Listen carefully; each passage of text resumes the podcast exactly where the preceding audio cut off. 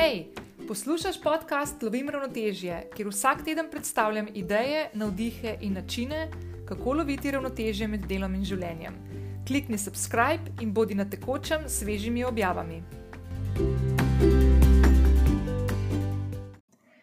Če smo v prejšnji epizodi govorili o tem, kako sem se znašla v svetu podjetništva in kako lahko to narediš tudi ti, se bom danes osredotočila na ta drugi del mojega življenja in to je moja pot v jogo. Pa brez skrbi, ne bom govorila in opevala te starodavne indijske veščine, ampak želim predvsem uh, se osredotočiti proti koncu te epizode na to, kaj sem se naučila iz joge in kako mi ta spoznanja pomagajo pri vsakdanjih opravilih, tudi pri delu, ki ga upravljam. Z jogo sem se prvič srečala, ko sem bila stara 17 ali pa 18 let. Uh, šla sem na eno od uh, ur na obali, tam, kjer sem še včasih živela. Uh, in sredi ure sem med eno od, eno od asan, ki smo jo izvajali, mislim, da je bil pozdrav soncu, uh, z nosom zadela v tla in se začela smejati. In učiteljica joge, ki je takrat vodila uro, me je zelo grdo pogledala in rekla: Nina, pri jogi smo vedno tiho in ne motimo ljudi, ki so okoli nas. Govori samo učitelj, učenci ste vedno tiho. In jaz sem po naravi zelo živahna oseba, zelo ekstrovertirana, in meni se to takrat zdelo, seriously, ne, to, to, to ne bo za mene. In takrat sem mojo jogijsko zgodbo zaprla in jo postavila na eno od polic, in se nisem dotaknila naslednjih vsaj 15 let, če ne več. Potem sem mogoče enih 7-8 let nazaj v tukaj v mojem lokalnem fitness centru v Šiški v Ljubljani um, hodila na spinning classes, potem sem hodila na neki tudi na Pilates.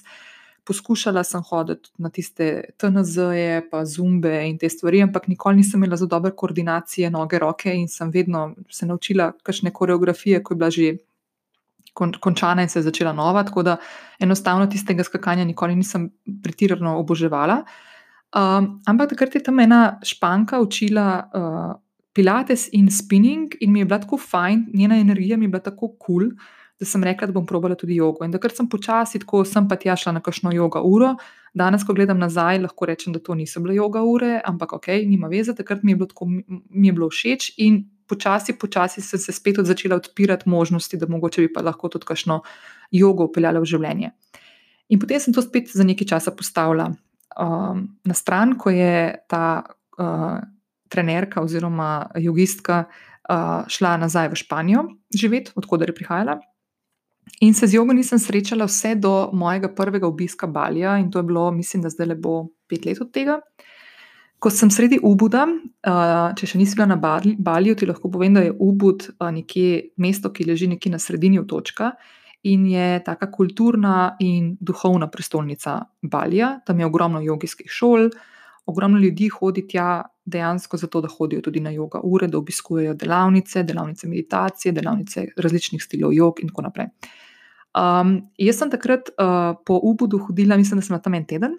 Uh, sem veliko hodila okoli in med drugim obiskala tudi takrat eno od najbolj znanih jogijskih šol, Yoga Barn.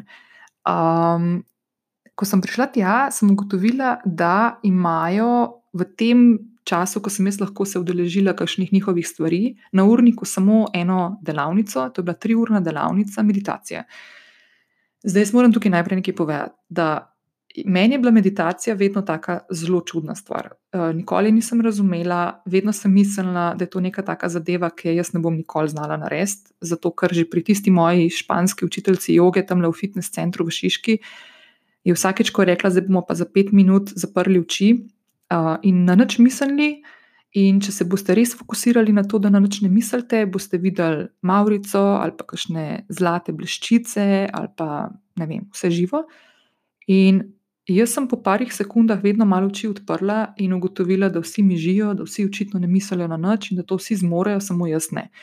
In meni je bila meditacija vedno zaradi tega blazno zoprna. In zdelo se mi je, da ne, mor, da bom tega nikoli znala narediti in da, bom, da sem čist nesposobna za te stvari. Tako da, ko sem jaz videla sredi ubuda, da je edina stvar, ki jo lahko okuš, okusim v tej uh, šoli, ki sem dejansko želela spoznati, uh, je delavnica triurna meditacije. In sem rekla, noč, gremo provat. Uh, takrat sem počasi začela razmišljati o tem, da mogoče je pa fajn spoznavati stvari, ki so izven te cone obdobja. In sem začela v tem malo več uživati, tako da sem se odločila, da bom šla za tri ure na to delavnico, pa da vidimo, kaj bo. Uh, na tej delavnici uh, smo se dobili, mislim, da nas je bilo 20, uh, prihajali smo iz vsega sveta.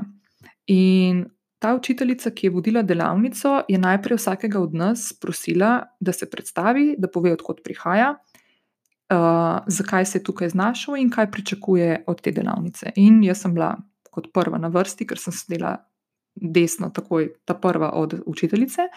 In sem povedala, da sem Nina, da prihajam iz Slovenije, da bi rada spoznala meditacijo, ker sem slišala in prebrala toliko stvari, da kako lahko to lepo vpliva na tvoje življenje, da kako ti pomaga sproščati, se umirjati ampak enostavno, da jaz ne znam odklopiti svojih misli, da imam s tem težavo in da sem prišla sem, da se tega naučim. In ostalih 19 ljudi za mano, ki so prihajali res iz vseh kontinentov, je ponovilo isto stvar. Vsi, re, vsi so rekli, da ne vejo, kako odklopiti svoje možgane, kako izklopiti svoje misli, da kako ne misliti na nič, uh, in da bi se radi tega tukaj naučili. In takrat se je zgodil en tak preboj v mojem dojemanju meditacije in joge nasploh, ko je ta učiteljica Jane, je bilo ime, američanka sicer, rekla, da v svoji 20-letni karieri ni srečala človeka, vključno z vsemi jogijskimi guruji in učitelji, ki jih je spoznala na poti, ki bi svoje možgane lahko izklopil oziroma ne mislil na nič več kot 10 sekund. Ker ljudje imamo možgane zato, da mislimo. In meditacija ne pomeni, da ne misliš na nič, ampak pomeni, kako preusmerjaš misli, ki pridejo in jih puščaš, da odplavajo stran, in se spet fokusiraš, naprimer, konkretno, najlažje pri meditaciji je na svoje dihanje. In meni se je zdelo to krasno, meni se je zdelo to top. Uh, in par dni potem, uh, ko sem že potovala v drug del Balija, na otočke Gili, uh, sem obiskala eno od jogijskih ur uh, na tistem otočku, pri enem špancu. Enrikeju, ki sem ga šla potem, kasneje, dve leti kasneje, še enkrat obiskati. In mi je bilo top. In sem rekla, to je to, to je meni všeč, to je za mene taka joga, kot si jo želim. In jaz se spomnim trenutka, ko sem sedela na hitrem čovnu nazaj iz teh giljev točkov nazaj na Bali, mislim, da vožnja traja tam kakšni dve urci, da sem sedela čisto na vrhu, na strehi uh, tega hitrega čovna in da sem razmišljala, da ko se bom vrnila domov, to bi bil marec tistega leta, da si želim poiskati uh, šolo joge, uh, da naredim izpit za učiteljico joge, zato ker bi rada sama znala narediti sebi uro in se, in se spoznala z nekimi veščinami joge in meditacije, ki mi bodo prišle prav v življenju. Nikoli, nikoli nisem mislila o tem, da bi kdaj učila jogo. No, in jaz sem prišla domov, bil je marec, začetek marca, in zgodila se je realnost. Se pravi, po enem mesecu dopusta sem prišla nazaj, imela sem ogromno stvari, ki sem jih mogla opraviti, in ta želja in načrt o tem, da bom jaz začela um, z, z iskanjem nekega učiteljskega tečaja za, za bodočo učiteljico joge, je splavala po vodi. Vse do kakšnega pol leta kasneje. Ko se je iz Indije vrnila ena od mojih prijateljic, ki je tudi včasih delala v oglaševalski agenciji, tako da je bila zelo podobna po karakterju meni, prihajala iz podobnega sveta, vedela je, kako je to naporno in tako naprej. In je začela imeti svoje ure v Ljubljani. In jaz sem se prijavila na njih in sem začela redno hoditi na njene ure, dvakrat na teden. In takrat mi je rekla, rekla, Nina, če te zanima učiteljski tečaj, jaz pa ena kolegica, tudi učiteljica joge, bova s februarjem začeli z intenzivnim tečajem, ki bo, ki bo trajal samo štiri mesece, vsak drugi vikend bomo preživeli skupaj in na koncu boš dobila um, licenco, mednarodno licenco za učiteljico joge. A bi te to zanimalo? In jaz sem rekla, itak, dajmo, to sem si že dala v že, med želje in dajmo to speljati, ker se je ravno tako prikazala ta, ta možnost.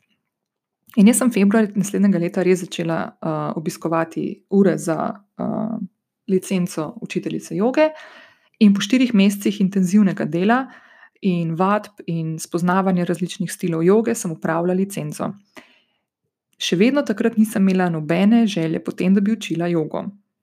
Na kar sem na svoji Facebook strani uh, vsem prijateljem, ki so me v teh štirih mesecih, ko so vedeli, da obiskujem ure joge, naznanila, da ok. To ste me spraševali o tem, kdaj bom imela kakšno uro joge, zdaj vas, vas pa, vam pa sporočam, da um, bom v Tivoliju organizirala eno vadbo, eno urno, tako da če želite, lahko pridete. In sem objavila en tak mehen eventek, povabila, mislim, da 10 ali 15 ljudi, mojih prijateljev.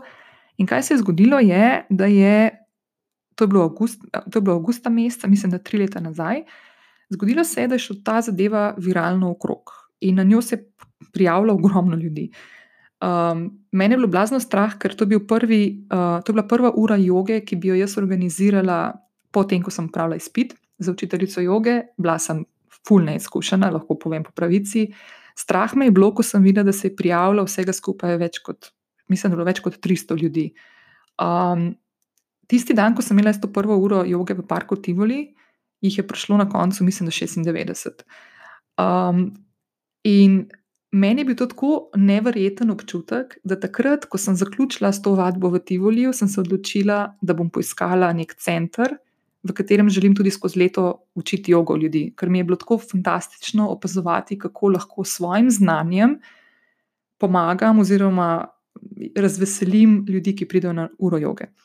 In tako se je začelo naslednji dve leti sem v enem od jogijskih studijev v Ljubljani učila jogo. Imela sem tako jogo, ki je bila dinamična joga, uh, s hitrimi premiki, um, veliko smo se smejali, uh, pustila sem učencem, oziroma tem, ki so prišli na moje joga ure, da tudi se pogovarjamo, da se smejimo, ker sem rekla, da že ne bom taka, kot je bila tista učiteljica joge, ki sem jo spoznala pri. 18 letih, ki me je zatrla, da ne, da moram biti tiho, sem rekla: moji, moji učenci, ki bodo prišli k meni na uro joge, po vseh težavah, ki jih imajo v življenju, ki imajo verjetno stresne službe, ko, ko se zafrkavajo z, z svojimi izzivi v življenju, ne bom še jaz njim težila, uh, da morajo biti tiho, da se morajo obnašati in tako naprej. Tako da smo imeli krasne, zabavne ure joge. Uh, dve leti po, po tem, ko sem začela z rednimi urami, sem upravljala še izpit za učiteljico aerial joge, to je ta brez, brezgravitacijska joga. Mogoče, če si kdaj, opaz, če si kdaj videla tisto, kar se dogaja, da visiš na takih trakovih, ki so, um, so iz stropa spuščeni proti tlom. Tlem. Uh, tako da sem učila, sem naredila tudi licenco za aerial jogo in sem učila tudi to, in to je bilo noro, full dobro, carsko.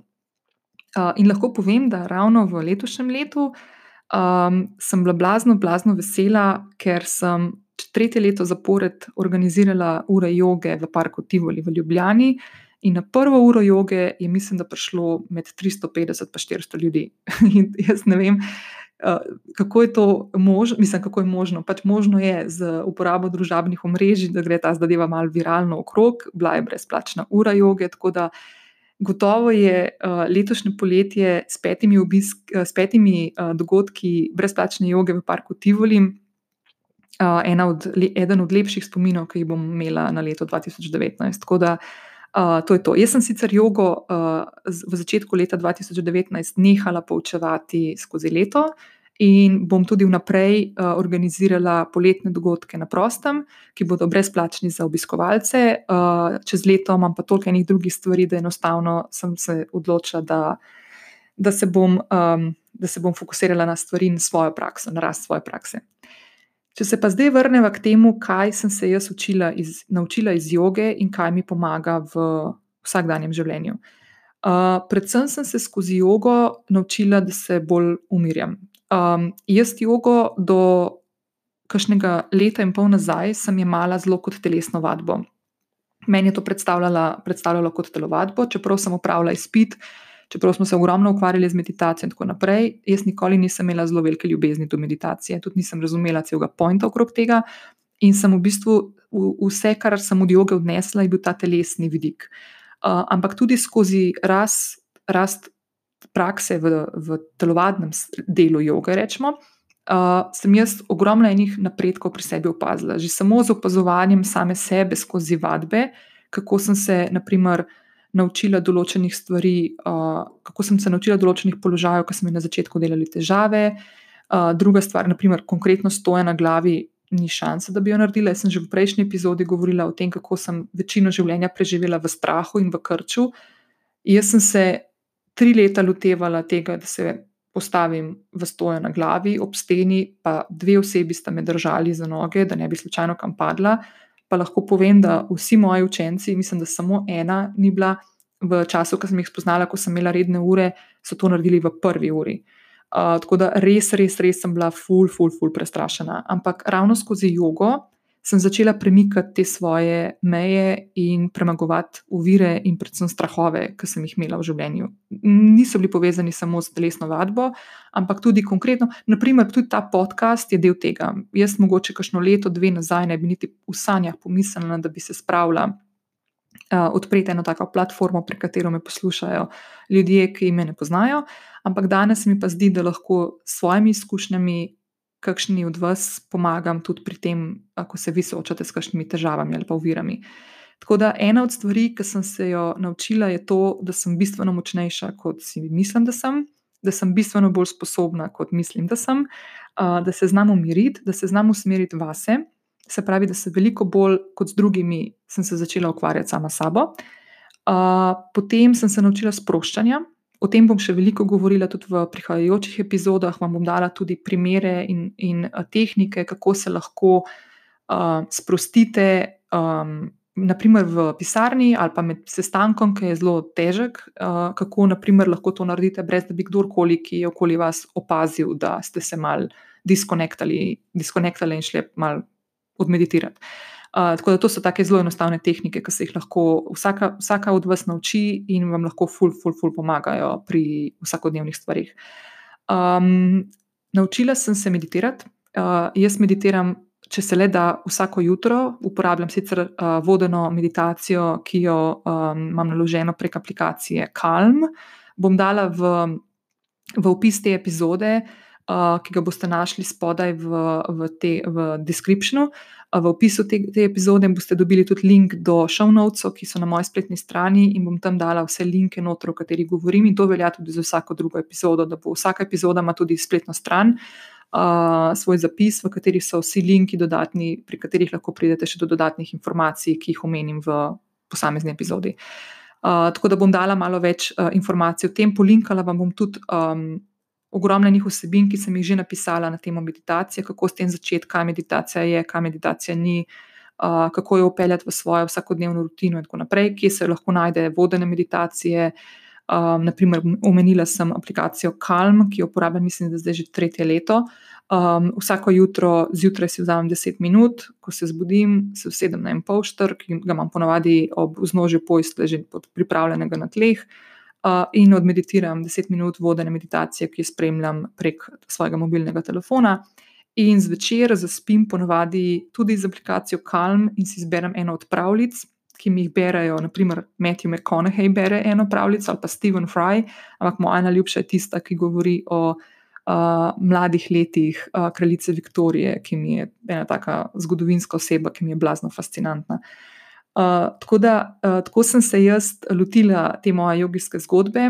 Uh, zdaj lahko rečem, da po štirih letih intenzivnega uh, delovanja na tem področju je, uh, je yoga en pomemben del mojega življenja uh, in me je naučila, predvsem, kako lahko um, občutke, ki jih dobim skozi prakso, telovadno, skozi telovadni del uh, joge, prenesem tudi v svoje življenje, v delo. Naprimer, bistveno, uh, bistveno več uh, se lahko zgodi, da se spravim iz tira ali pa da nisem fokusirana. Ugotovila sem, da naprimer, ko pišem uh, vsebine, se mi doskrat zgodi, da, da, zma, da mi zmanjka uh, toka. Miselnega, in da, da, se moram, um, da, se, da, da, se moram spet najti neko koncentracijo, in sem ugotovila, da mi najbolj pomaga, če skočim do dnevne sobe, tam imam ponavadi uh, uh, že odprto jogo podlogo in naredim eno stoje na glavi.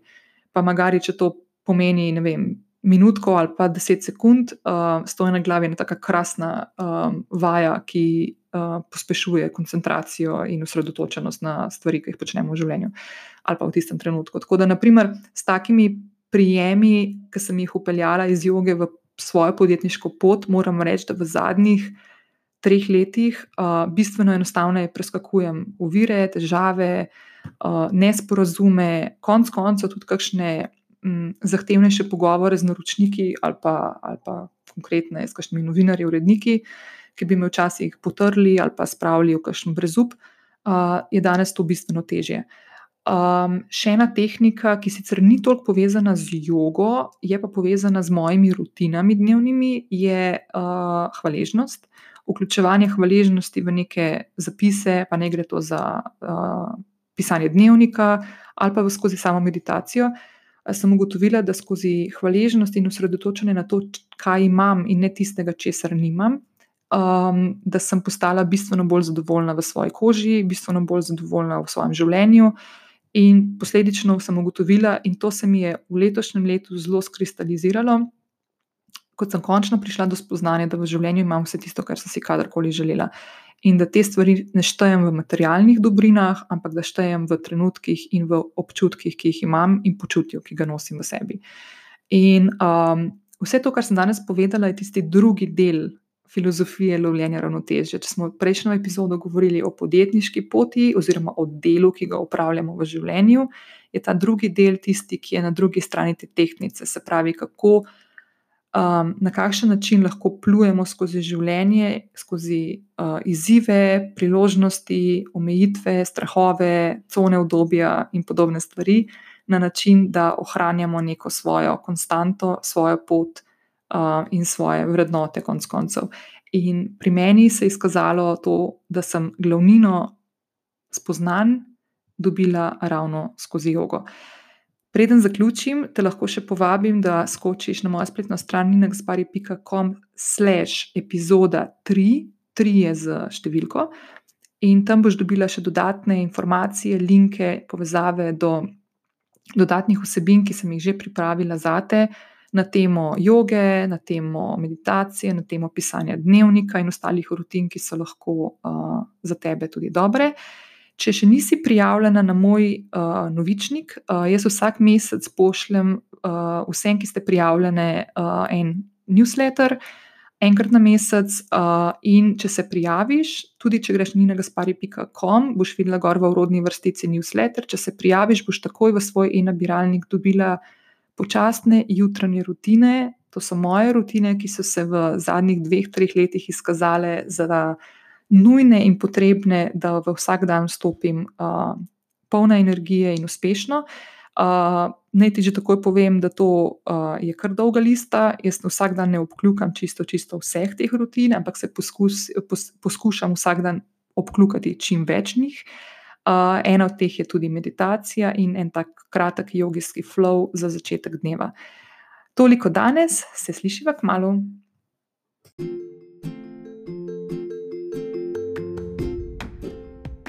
Prišli smo do konca današnje epizode podcasta Lovim ravnotežje. Slediš mi lahko tudi prek Instagrama, Facebooka in Twitterja, kjer me najdeš pod Nina Gaspari. Spletne zapise najdeš tudi na strani ninagaspari.com, kjer se lahko prijaviš na e-novičke, prek katerih pošiljam dodatne vsebine v tvoj e-nabiralnik. Če na iTunes še nisi stisnila subscribe, to lahko narediš zdaj. Tako boš vedno ujela svežo epizodo. Hvaležna bom tudi za tvojo oceno in mnenje tega podcasta, ki ga lahko daš ob prijavi in s tem pomagaš, da ta podcast sliši še več poslušalk.